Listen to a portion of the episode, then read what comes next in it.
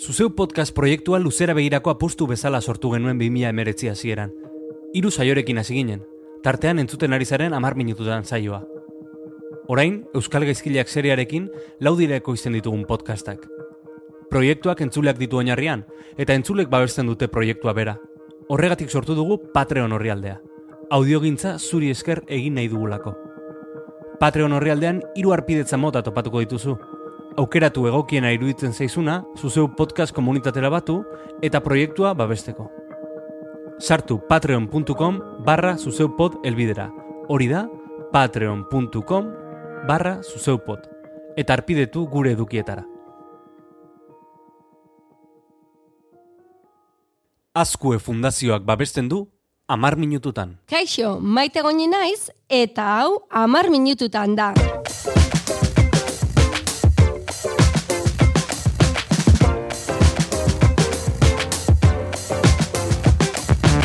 Egunon maite? E, berriz ere zure programara salto inet parakaista baten moduan, eta sartu naiz barrura. Hemen, e, Kaixo, oier, beti zara ongi etorria e, e, programa honetara, hori badakizu. Ezkuntzaren mundu arrotzera, nere, neretzako, eh, mundu arrotzera. Bueno, gurasoa zea, ez? Bai, Ba, bai. ordun ez da batere arrotza. edo Arrotza ez, arrotza ez. behar. Ez luke Arrotza izan ez, behar, orduan. baina oso aldakorra, eta eta askotan komentatu dugu, ez? E, nere garaiko, edo, bueno, ja zuen garaiko ez dut izango, baina ez nahi dut, asko aldatzen ari dela, ez? Asko aldatzen, eh? Zai zeira dokitzen. vale, vale, vale. Urrengora pasako Zu EGB-koa garaikoa zea. Bai, EGB-koa, EGB-koa. Bueno, Bueno, gaurkoan, gaurkoan ez dago Bai, alderarik. gaurkoan ez dago galderarik. Oier, e, gaurkoan nik ekarri dut gaia, ez? E, oso interesgarri iruditzen zait, e, honi buruz hitz egitea edo behintzat, ba, lehenengo aldiz hitz egitea eta gero jarraituko dugu honekin ere, ba, beste denboraldietan, ez da? Bai. Gaur, bakizu zeri buruz hitzein behar dugu. Ba ez, ez dakit, zuk esan berko digut. Bueno, eskerrak, zesan behar nun bestela, esate malin badiazu ikaskuntza diseinu unibertsalaz hitz egin behar dugula, flipau ingo nuke, ez? Idu, idu. Iduz, iduz hitz egin behar dugu, eh? eta hori da ekarri dudan gaia, Bai. eta, bueno, e, nahi dugu jakin zer da, nik esate malin baditzut horixe, hor, ikaskuntza diseinu unibertsalaz hitz egin behar dugula, ze datorkizu burura? Oso galdera zaila da, Bai, eh? gaizki, bai, gaizki bai. gelditu naiteke. Ez dakit, eh, kurrikulum moduko bat sortzeaz universalki erabili litekena? Ba, bai, ba, or, ba oso ondo. Ez dago prestatuta, ez dago prestatuta. Ez ez dago, ziur ez dago la prestatuta, baino egie da hortik doala, ez? Baino nik baino asko zere hobeto hitz egin behar digu, ba, Josi Sierrak honen inguruan, ez? Oraintxe atera berri da IKTak eta kompetentzia digitalak hezkuntzan UEUk plazaratu du eta bueno, batzuk parte hartu dugu, bueno, desientek parte hartu dugu liburu horretan eta horietako artikulu bat eh, oso interesgarria ikaskuntza diseinu unibertsalaz doa, eh? eta orduan esan de, bueno, ba, Josi gonbidatuko dut eta e, eta orduan e, berak kontatuko digu. Ez zer dan, zertarako izan litekeen interesgarria hezkuntza munduan eta bar Josi Sierra e, berritzegune nagusian ibilitakoa da urte mordo batetan, orentxe bai? Zer da berritze gure nagusia? Ai, hori, ba, berritzegunea hitz egin dugu bai. Ni naiz tentela, eh? Ba, ez ez, ba, berritzegunek hezkuntza munduan oso ezagunak dira, ze dira, ba, e, zentruak edo e, Eusko Jarrularitzak duen egitura, ba, irakasleen formaziorako. Mhm. Orduan, ba, berritzegunetakoek e, euki gendun Xavier Mujika, berritzegune nagusiko ikate koordinatzailea, Bai. eta berak ere ba, kontatu zigun zen lan egiten duten, eta barrez, ba, josi horietako berritzegune batean, egonda lanean urte pila batean, e, eta lorea aretxagarekin batera, ba, idatzi du, em, orentxe aipatzen ari naizen artikulu hau. Baina honena bere ahotsa entzutea izango da. Iruditzen zaizu? Oso? Ba, guazen deia egitera.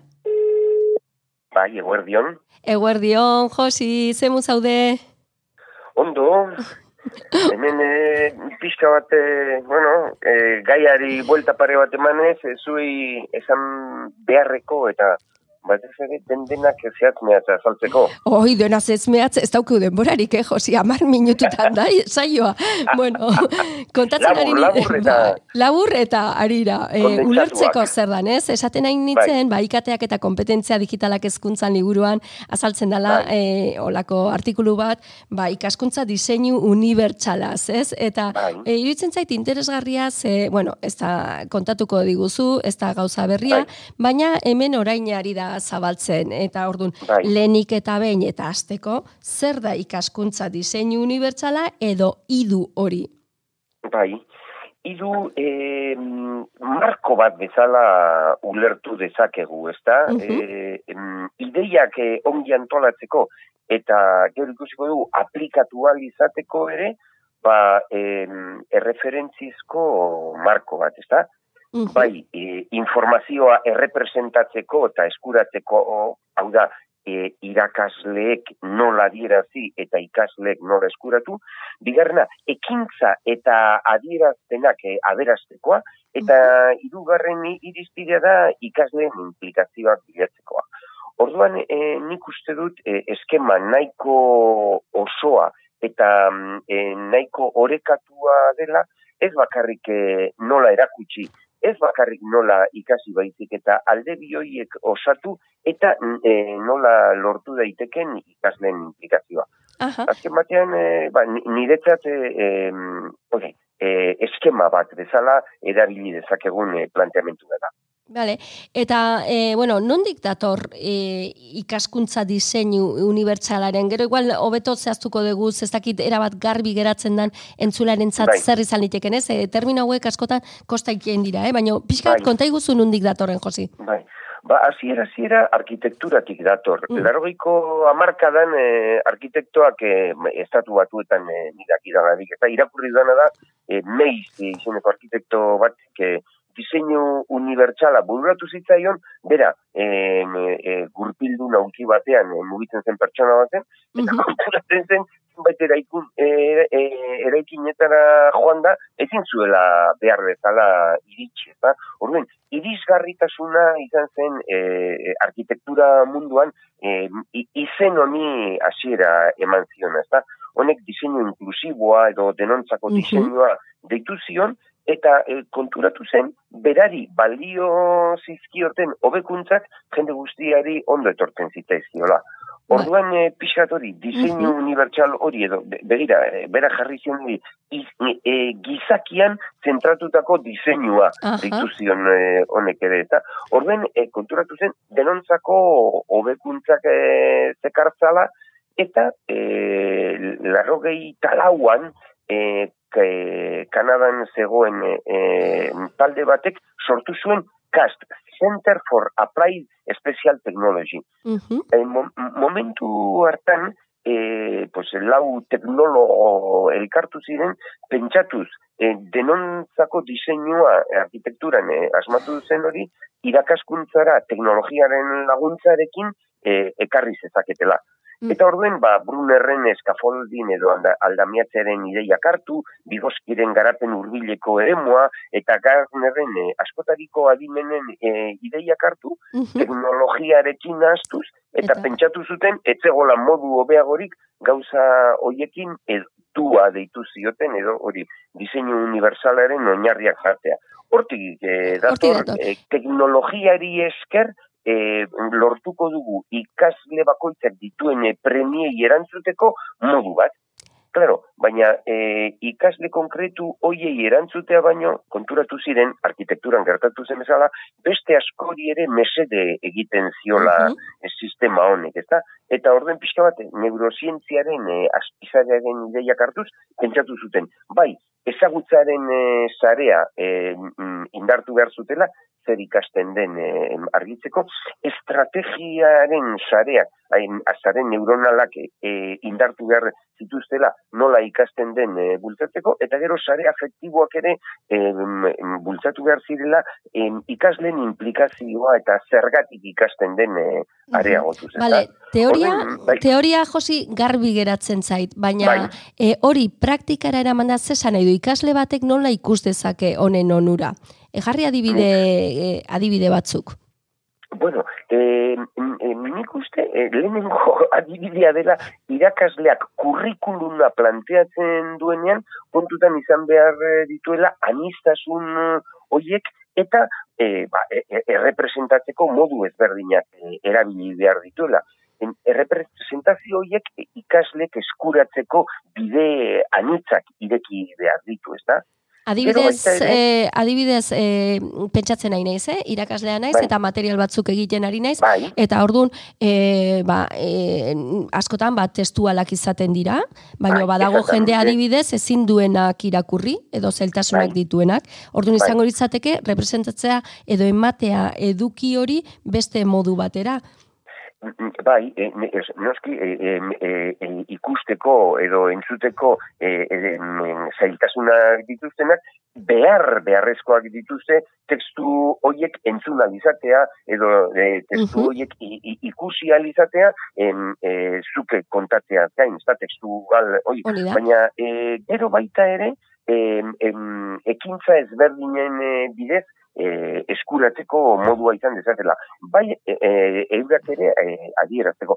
Adibidez, orain oso oso, oso modan dagoen, ba, e, visual thinking, edo, uh -huh. badaude, e, bueno, en gaur egun denok eskura dauzkagu e, abots bidez e, gauzak esateko eta ez bakarrik idazteko, e, e, gure mugikorrekin, eta e, baita ere, ba, bideo bidez esatea, e, eta eta bideo batean ikusi eta entzun izatea, ez bakarrik testu idatzi batean. adibide bat jartzea Bai, bai, ez, baina nik uste dut adibide horri oso horri pixka bat e, lotuta e, oso bai. ulertzen dela, ez? E, askotan bai. eskatzen diegu denoi gela baten barruan e, ba, bai. ezagutza hori edo ezagutu dutena edo ikasi duten hori bai. ezagutzera ematea irakasleari ikusteko ba, edo gainditu dutela eta bai. denai berdina eta denak oso bai. ezberdinak dira eta bia puntu oso ezberdinak dituzte, orduan honek emango luke diseinu honek emango luke aukera, ba, bakoitzak bere errealitatetik ba, azaltzeko e, batzuk e, testu moduan, beste batzuk ba, bideoz grabatuta edo ahotsa grabatuta, hori da, ez? Esaten ari zarena.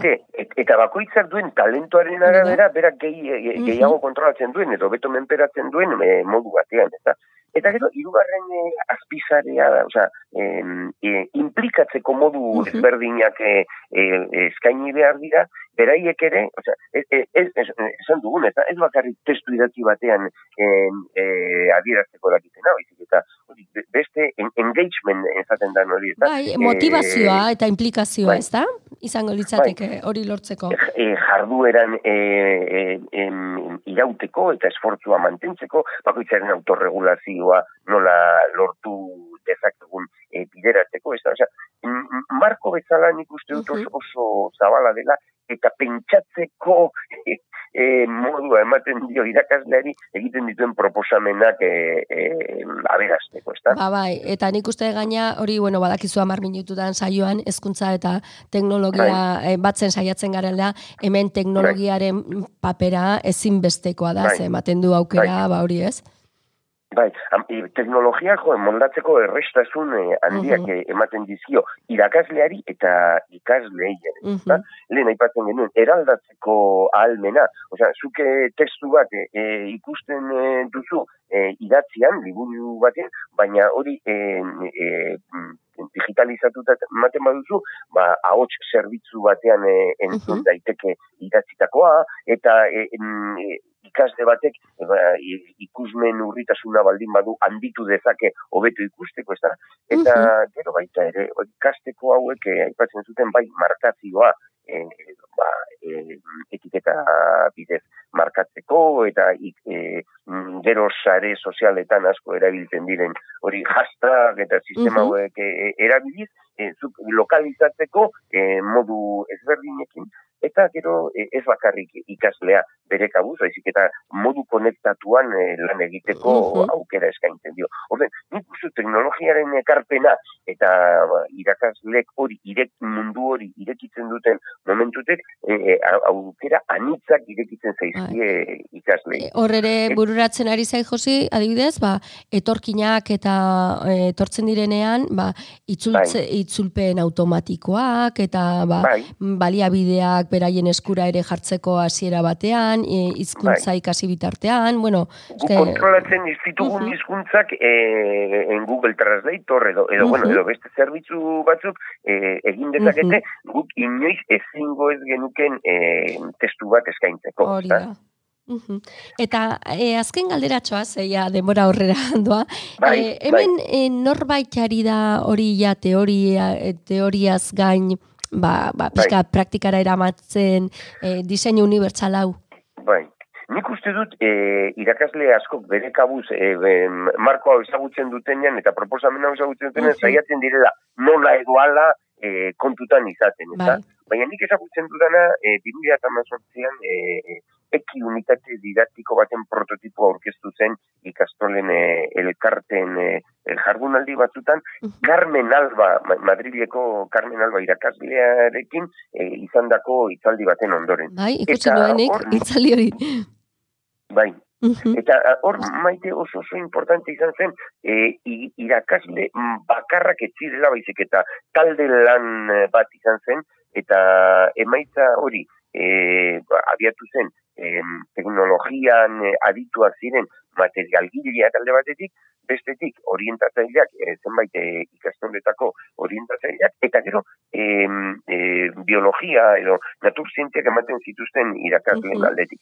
E, talde bat antolatu eta DBH biko naturzientziako unitate bati ekin zioten e, modu e, zabalduan edo edo izten, e, irizpide kontutan hartuz, Mm, e, testuak maila ezberdinetan eskaini, e, irudi bidezko e, aberastasuna e, ikasleen eskuetan jarriz, e, eta gero baita ere euren ekoizpenak modu ezberdinetan egiteko aukera emanez. Mm Eta gero neurtu zuten hori, e, badakizu e, ondorio duten edo hortik ba, ikasleko beto emaitza hobeak lortu dituzten edo zerbait, edo oraingoz e, bakarrik praktika jartzearekin edo prototipo horrekin geratu dira? Bueno, prototipo e, horri bi urtez eman zioten e, jarraipena eta eta mm badakit e, hobetu zutela e, proposamen konkretu hori, baina kasu honetan ez dakit ere e, e, ze jarraipena egin diot. mailean dagoen, baina bueno, aukera hon bat izan daiteke urrengo podcast batean, bai. bai, edo, edo orientatzaile, edo, edo tutore uh -huh. hoiekin hitz egin da, edo, edo biologiako irakasle hoiekin hitz egin da, ea, nik ere, mm, e, osea, jakin minez gelditzen naiz, bai. e, ea, ea zertan e, dagoen momentu honetan e, e, proposamen hori. Hori da, ze askotan agian baliabide bai pertsonal eta e, ba, bai. baliabide ekonomiko asko gastatzen dira prototipoetan edo proposamenetan eta geroz doa zinora, eta beste batzuetan e, gauza xume batzuekin izugarrizko a, e, bai. aukerak lor, lortu bai. aldaitezke ezta, eta oso interesgarria da hori. Ba, kasu honetan... Bai. bai. Edozein, edozein kasutan maite nik uste, hau e, ezagutzen, proposamena ezagutzen e, duen edozein irakasle, bai. e, ba, onartuko du oso oso baliagarriak direla irizpide hauek, eta saiatu daiteke e, ba, modu individualean bai. e, gauzatzen, ezta? E, Osa, sensibilidade kontu bat e, bai. Eta Baina, norberaren kabuz egin litezkela gauzak, e, garbia bai. da, ze irisgarritasun bai. horren izinean, baino, klaro, badakigu. Bai. Asko ez interesgarriagoa izango litzateke, ba, hori ba, e, pastela ondo ondo bai. eginda ematea, ez da? Elkarlanean, modu antolatuan, bai. eta, eta zuk egiten duzun, e, ekarpen hori beste batzuk partekatu, eta beraiena ezagutu eta eta kontutan izan, ez da? Eh, lan handia dugu aurretik, baina, bueno, interesgarria oso, ez da? Oso, momentu oso interesgarria bizitzen ari gara, ezkuntzan, eta beste arloetan ere. Bueno, Josi, ba, musio handi bat, eta asko eskertzen dizut, ba, e, parte hartu izana gure saioan, eta orain, bai. badaki gupiska gehiago ikaskuntza diseinu unibertsalaz. Bueno, ba, maite, urrengo bat arte, nik ere dakidana partekatzeko gustura. Badakit, badakit, urte asko dara magotan, eta. Bueno, ba, esan dakoa, musi bat, Josi, eta urren erarte. Bai, bai, zuentzako ere musu pare bat, aio. Aio.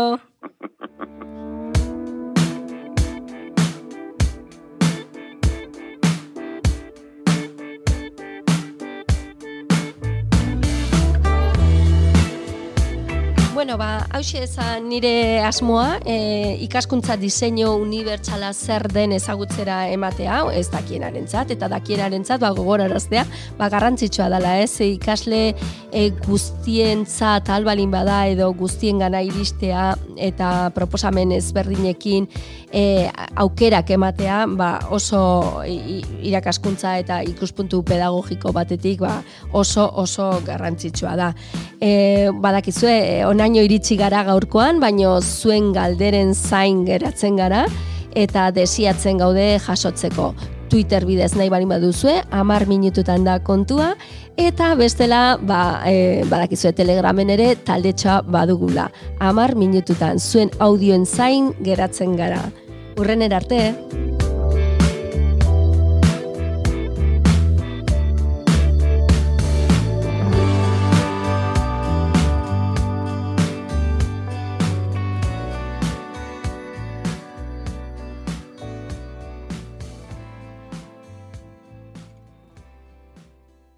Edo zein audio plataformatan entzun dezakezu zuzeu podcast. Spotify, Apple Podcast, Stitcher, eta bestela sartu podcast.eus elbidera. Hori da, podcast.eus. Eta bertan topatuko dituzu ekoizten ditugun saio guztiak.